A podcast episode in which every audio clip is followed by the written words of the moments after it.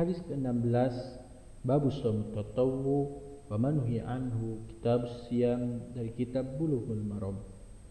An Abdullah bin Umar radhiyallahu anhu ma qala qala Rasulullah sallallahu alaihi wasallam la soma man somal abada dari Abdullah bin Umar semoga Allah meridai kepadanya ia berkata Rasulullah sallallahu alaihi wasallam bersabda tidak ada puasa bagi orang yang berpuasa selama-lamanya. Muttafaqun alaihi